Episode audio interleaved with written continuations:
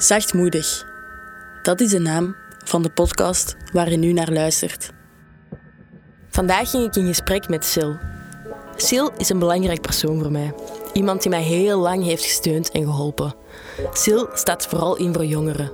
Want als ik Sil hoor, zie ik jongeren. Mijn passie is vooral uh, werken met jongeren. Ik denk dat dat als mensen, als, als gaan mensen zou vragen wie is Sil, dan gaan die zeggen van ja, Sil met haar jongeren. En ik ben nu ondertussen uh, sinds 2015 uh, heb ik het, vroeg, het VIDA-project opgestart. Dat is vroeg interventie voor drugs, alcohol, gamen, koken. Um, en daarnaast ben ik dan ook jongerentherapeut bij Theo op vrijwillige basis. Um, ja, waarbij dat jongeren eigenlijk centraal staan. Hè. Ik heb onlangs nog met een jongere gesproken dat naar Theo ging. Ja. Uh, heel toevallig eigenlijk. Um, en ja, ze was, was heel blij van de, van de werking daar. Alleen ze had zoiets van, um, blijkbaar zijn dat tien sessies, of negen. Ja, tien sessies. En dat vond ze een hele moeilijke, omdat ze zei van, um, op tien sessies heb ik geen band opgebouwd.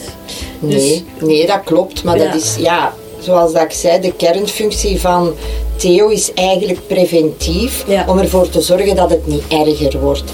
Uh, maar wat dat wij vaststellen, en, en dan is inderdaad mm tien sessies voldoende, wat dat wij vaststellen is dat er eigenlijk um, ja, vroegdetectie, dat tegen dat de jongeren bij ons komen, dat dat eigenlijk zwaardere casussen zijn, ja. dat eigenlijk meer nood hebben aan tien sessies. En dan gaan we proberen die te begeleiden naar, ja, naar, naar een andere uh, therapeutische setting. Maar ja, vaak zijn mhm. enorm veel wachtlijsten en dan kan het zijn dat wij ze langer um, ja, begeleiden. Ah, toch? Er zijn uitzonderingen. Ja, er zijn uitzonderingen. Maar we proberen toch mhm. naar de tien te gaan. Je doet heel veel in de, in de zorg, in de jeugdzorg.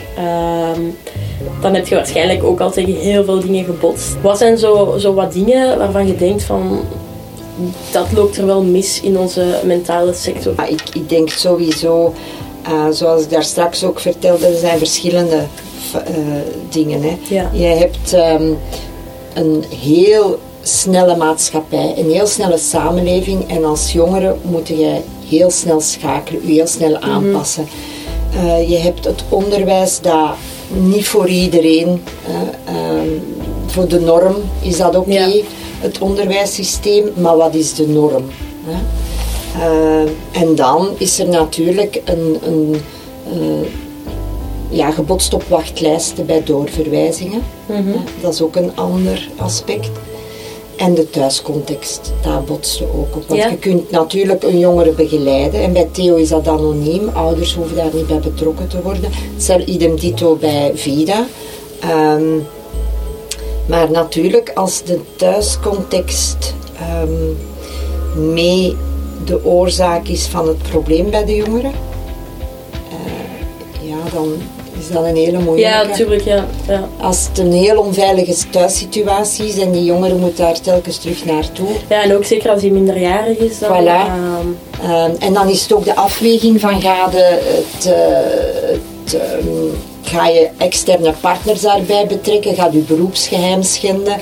Dat zijn, dat zijn zo van die afwegingen. Maar de context is zeker ook iets wat dat soms frustratie ja. geeft bij, bij de hulpverleners. Ja. Zijn er dingen waarvan je denkt, oké, dat zouden we nog kunnen doen om toch een klein verschil te maken? Ik denk, wij als Vlamingen zijn wij heel um, gesloten. Ja. Doorsnee. Dus Um, en ik denk dat dat evolutionair zo gegroeid is. Wij zijn ook een van de meest, uh, meest bezette landen ter wereld. Dus mhm. eigenlijk in, in je DNA zit dat dat je je minder kwetsbaar moet opstellen. Natuurlijk, als je kwetsbaar opstelt en je deelt je, je, verdriet en je gevoel van leegte, dan gaat dat bij mensen ook meer genormaliseerd kunnen worden. Van, ah ja, ik voel dat ook. Ja, ik, ik lig ook s'nachts wakker. Oh. En, en ik denk, het mentaal welzijn meer bespreekbaar maken. Um, dat zou toch voor mij allee, dat, is, dat is iets waar daar nog meer aan gewerkt zou moeten worden. De mensen die, die u niet kennen, mij niet kennen, weten niet. Je bent mijn um, begeleider geweest in uh, een, een, hele moeilijke periode. Ik denk dat ik eigenlijk een beetje verplicht moest begeleid worden door u uh, via de school. Um, maar kijk, het is allemaal, allemaal goed gekomen. Ik kom nog overeen. Ik zit in één ruimte met u. dus, oh, dat zou ik erg gevonden hebben, moest dat niet zo zijn. Nee, maar, maar, het was wel, het was wel een, een, Ik denk dat ik het u niet altijd gemakkelijk heb gemaakt. Dat, uh, hoe dat ik het ervaren heb... Nee, maar ik, ik weet je, voor mij, ik, ik heb. Um, het, het gedrag dat jij stelde was een kind in nood. Hè. Ja. Dus ik zag daar ook wel door. Ja. Dat maakte dat, dat ik daar ook geen oordeel over had. Okay. Um, ik ben ontzettend fier dat ik hier mag zitten. Ook al is dit buiten mijn comfortzone. Maar ik wil dit doen omdat ik ontzettend trots ben op, op wie dat jij geworden bent. Ja, ik ben, ik ben ook enorm blij waar ik nu sta, zeker. Ik, ik vind ook dat ik dat mag zeggen en kan, kan zeggen over mezelf. Ik denk een paar jaar geleden zou ik dat niet eens durven zeggen. Um, en ik denk ook gewoon puur, daar draait het ook om, dat ik hier nooit was geraakt door, zonder de hulp dat ik, dat ik gekregen had. Door u, door psychologen, de andere therapeuten, door ja, allee, opnames. Ik, ik vind wel dat die dingen wel echt helpen en dat, dat hulp vinden of zoeken of krijgen een minder groot taboe moet zijn en, en eigenlijk wel echt elke persoon kan helpen. Heb je een boodschap bijvoorbeeld voor, voor ouders die hun kind misschien minder goed ondersteunen of een tip van Oh. Weet je, voor mij is verantwoordelijk ouderschap is stilstaan van ben ik goed bezig. Mhm. Hè? En ook daar dagelijks ja. Af en toe is bij stilstaan. De moment dat je niet meer stilstaat van oh, ben ik goed bezig, ja, dan ben je niet meer uh, verantwoordelijk, nee, ben je niet meer aan het uh, verantwoordelijk opvoeden. Natuurlijk, opvoeden uh, is, komt niet, ja, je kunt jij zoveel boeken lezen, dat, dat is iets heel pragmatisch.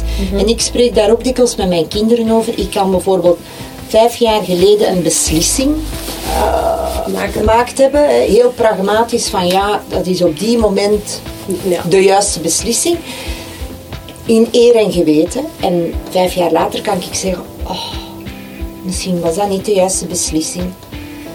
Um, dat kan zijn, maar dan vind ik dat, dat, dat je dat kunt bespreken met je kinderen. Van oké, ja, ik heb op die moment heb ik die beslissing gemaakt omdat ik dacht dat dat de juiste was en achteraf blijkt dat dat niet zo is. Maar dat is pragmatisch.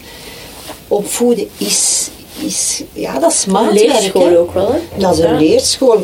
Dat is een spiegel, hè. Als ik met mijn dochter, die houdt me een spiegel voor. En dat is soms niet aangenaam. Dus ik geef als, als ouder ook wel naar ouders toe. Als ik een, een, een consulentenfunctie als ouders mij bellen, zeg ik van blijf in gesprek gaan. Ja. Veroordeel het gedrag. Dat mag, maar veroordeel niet de ganse jongeren. Ja. Want dan stopt het. Dan stopt een dialoog. Ja, dat is. En dan, dan kan het alleen maar slechter gaan ook vaak. Uh... Ik zeg het nog, dat is met vallen en opstaan. En ja, ik denk, je moogt ook fouten maken. Ik vind dat, dat is ook des mensen. Maar ik denk, wat dat je ook mag doen, is ook fouten toegeven. Ja, en dat is soms een moeilijke voor veel mensen. Maar, bij mij is het, voor mij is het heel belangrijk dat er toch wat intrinsieke ja. motivatie is, want anders dan werkt dat niet. Nee, dan, dan werkt dat niet. Dus voor mij is het, het eerste gesprek is van oké, jij beslist, hm. jij bent de regisseur van je leven, Marie. Als jij niet met mij wilt praten, dan is dat, dan zo. Is dat zo. Maar dan stopt de begeleiding. Mm -hmm. um, in veel scholen is het zo dat het eerste gesprek verplicht is en dan niet meer. Oké. Okay. Omdat, ja, dat werkt niet. Nee, ja, tuurlijk, ja. Nu, ik moet eerlijk toegeven, van al de aanmeldingen tot nu toe heb ik nog nooit iemand gehad dat zegt na het eerste gesprek nee, het mhm. hoeft niet. Ja, ik dacht, dacht wel dat ik dat dacht. Soms. Ja, maar we hebben toch redelijk wat gesprekken gehad. Ja, maar ik was echt bijna verplicht van school uit. Ja. Maar dat merkte je denk ik ook Ja. wel aan mijn houding soms. In het begin Ja, vooral. in het begin, maar nadien ook niet. Nee, na, want ik denk dat ik twee jaar in begeleiding ben Ja, ja, geweest. toch lang. Ja, ja, Ja, ja. denk het eerste jaar, want dat Ja. was echt zo van, ja, als je deze niet doet, dan Ja. bellen uw ouders op of zo. En Ja. ja, dat was van... Want- Het was niet verplicht en verplicht, snap Nee, je? Eh, nee, maar natuurlijk, ja, dat was weerstand. Hè. Ja, ja, dat was tuurlijk, ja. serieus weerstand. Maar ik denk van het moment dat je ook wist van, oké, ik mag hier zeggen wat dat ik wil. Ja, en eh, gewoon ook wie je waart. En dan... ging dat, ja, werkte dat wel, hè. Tuurlijk, ja. Ehm, het was inderdaad een uitdaging, maar dat zijn ook diegenen waar dat achteraf het meeste voldoening over Ja, dat is, dat is. Ja, en niet alleen dat. Ik, ik ga ook, allee, ik ga nu echt streven daarvoor. Ik heb al een paar keer in mijn podcast genoemd voor ehm, verplichting van een cursus rond mentale zorg voor leerkrachten. Dat is Ja, er niet. Dat is, ja, nee. dat is er, maar dat is een keuze. Ja. En dat zou echt geen keuze mogen zijn, want dat is zo'n high topic, zeg maar, mentale gezondheid. Ehm, dat wordt meer en meer aanvaard. Sowieso. Veel mensen durven daar ook voor uitkomen dat ze daar wel last van hebben. Maar heel veel scholen weten niet van hoe en wat. Ehm, en ik vind dat heel spijtig, want ik- ben naar een school gegaan en die zeiden van ja, dat is, dat is een keuze en dat zou geen keuze mogen zijn. Zou dat voor u een hulp geweest zijn? Ja. Ja, ja, want ik, ik, ik merkte ook heel veel, zonder iemand te beoordelen of veroordelen, ehm, heel veel onbegrip van leerkrachten uit. Ik, ehm, ja, ik, de leerkrachten waren vaak zo... Ja, die begrepen de situatie niet of die konden niet altijd verder kijken dan dat is haar gedrag. En die gingen mij ook, er waren echt leerkrachten die mij echt haten. Dat mij hele lessen een jaar buiten sloten en mij echt gewoon buiten zetten en letterlijk zeiden zonder iemand te benoemen. Maar ik heb daar echt heel hard van afgezien toen. Van Marie, eh, je moet al mijn klas niet binnenkomen. Echt bijna elke dag was dat van, ja, je bent toch alleen maar een last En wat deed dat dan? dat was, ik vond dat heel hard. En in het begin ehm, werd ik altijd heel boos en begon ik met dingen te smijten. Want zelfs de leerlingen waarmee ik in de klas zaten, die waren ook zo van... Allee, mevrouw of meneer, wat is, wat is dit? Ehm, zij zat rustig in de rij. Ik, ik zei geen woord of zo, bij wijze van spreken. En die stond echt op de, aan de ingang van de klas mij op te wachten. Om dan te zeggen van ja, ga maar hier zitten, want ik wil u niet in mijn klas. Je, je bent al last. En dan denk ik van oh ja, denk eens gewoon verder na. Ehm, ja, ik, ik had het al moeilijk mentaal en dan denk ik, zo, zo, daarom zouden die cursussen zo misschien toch iets helpen om toch wat meer te begrijpen, oké, wat gaat er om in een hoofd van iemand dat dat moeilijk heeft en hoe gedraagt hij zich soms? En behandel iemand dat dan wel eens braaf is, niet zoals iemand dat je ziet van oké, dat is toch krapul en ik moet je niet hebben, want er zijn ook dagen dat die persoon zich wel kan gedragen. En als je dan zo gaat reageren, dat heeft tegeneffect. Dan Ja, ja, ja. En vaak is het gedrag een symptoom Ja. van iets anders. Hè. Daarom- Dat is zo. Ehm, Ehm, en dat is pijnlijk om dat te horen, hè, want dat is, ja, dan word je eigenlijk ontmenselijkt. Hè. Ja, je wordt eigenlijk buiten de maatschappij gezet. Hè. Ja, natuurlijk, ik ben daar dan na verloop van tijd wel heel vaak mee gaan praten. Want dan, ik had wel een goed contact met heel veel leerkrachten. En dan, ehm, ja, uiteindelijk is die, is die, die leerkracht zelf dat dat deed, is dan ook na een paar jaar wel, spijtig genoeg. Ehm, ja, mocht die gewoon niet meer komen werken. Eh, wat ik heel spijtig vind voor die persoon, maar langs één kant, je moet je leerlingen geen jaar aan een stuk beginnen treiteren. En ik vind dat ook echt best gedrag wat hij deed.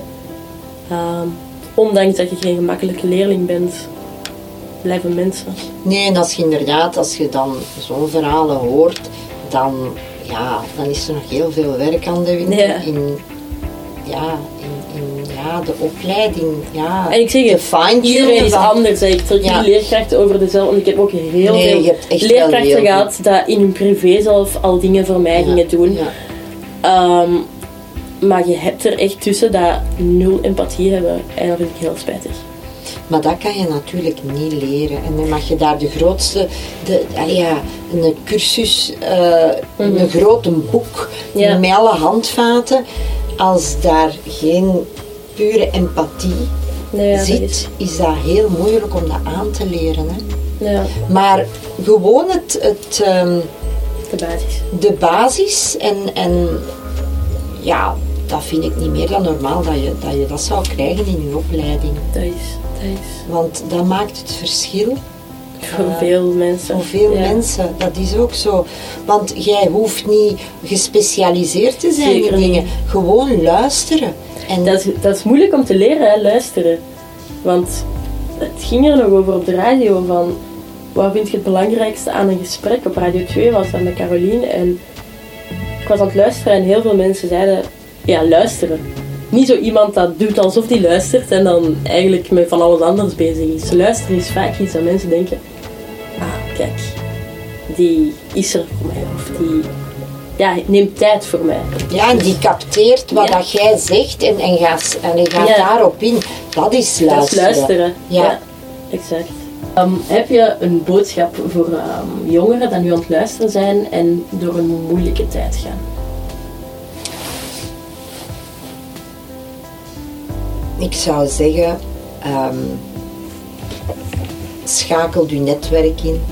Je vrienden, familie, uh, leerkrachten, mm uh, vertrouwenspersonen. En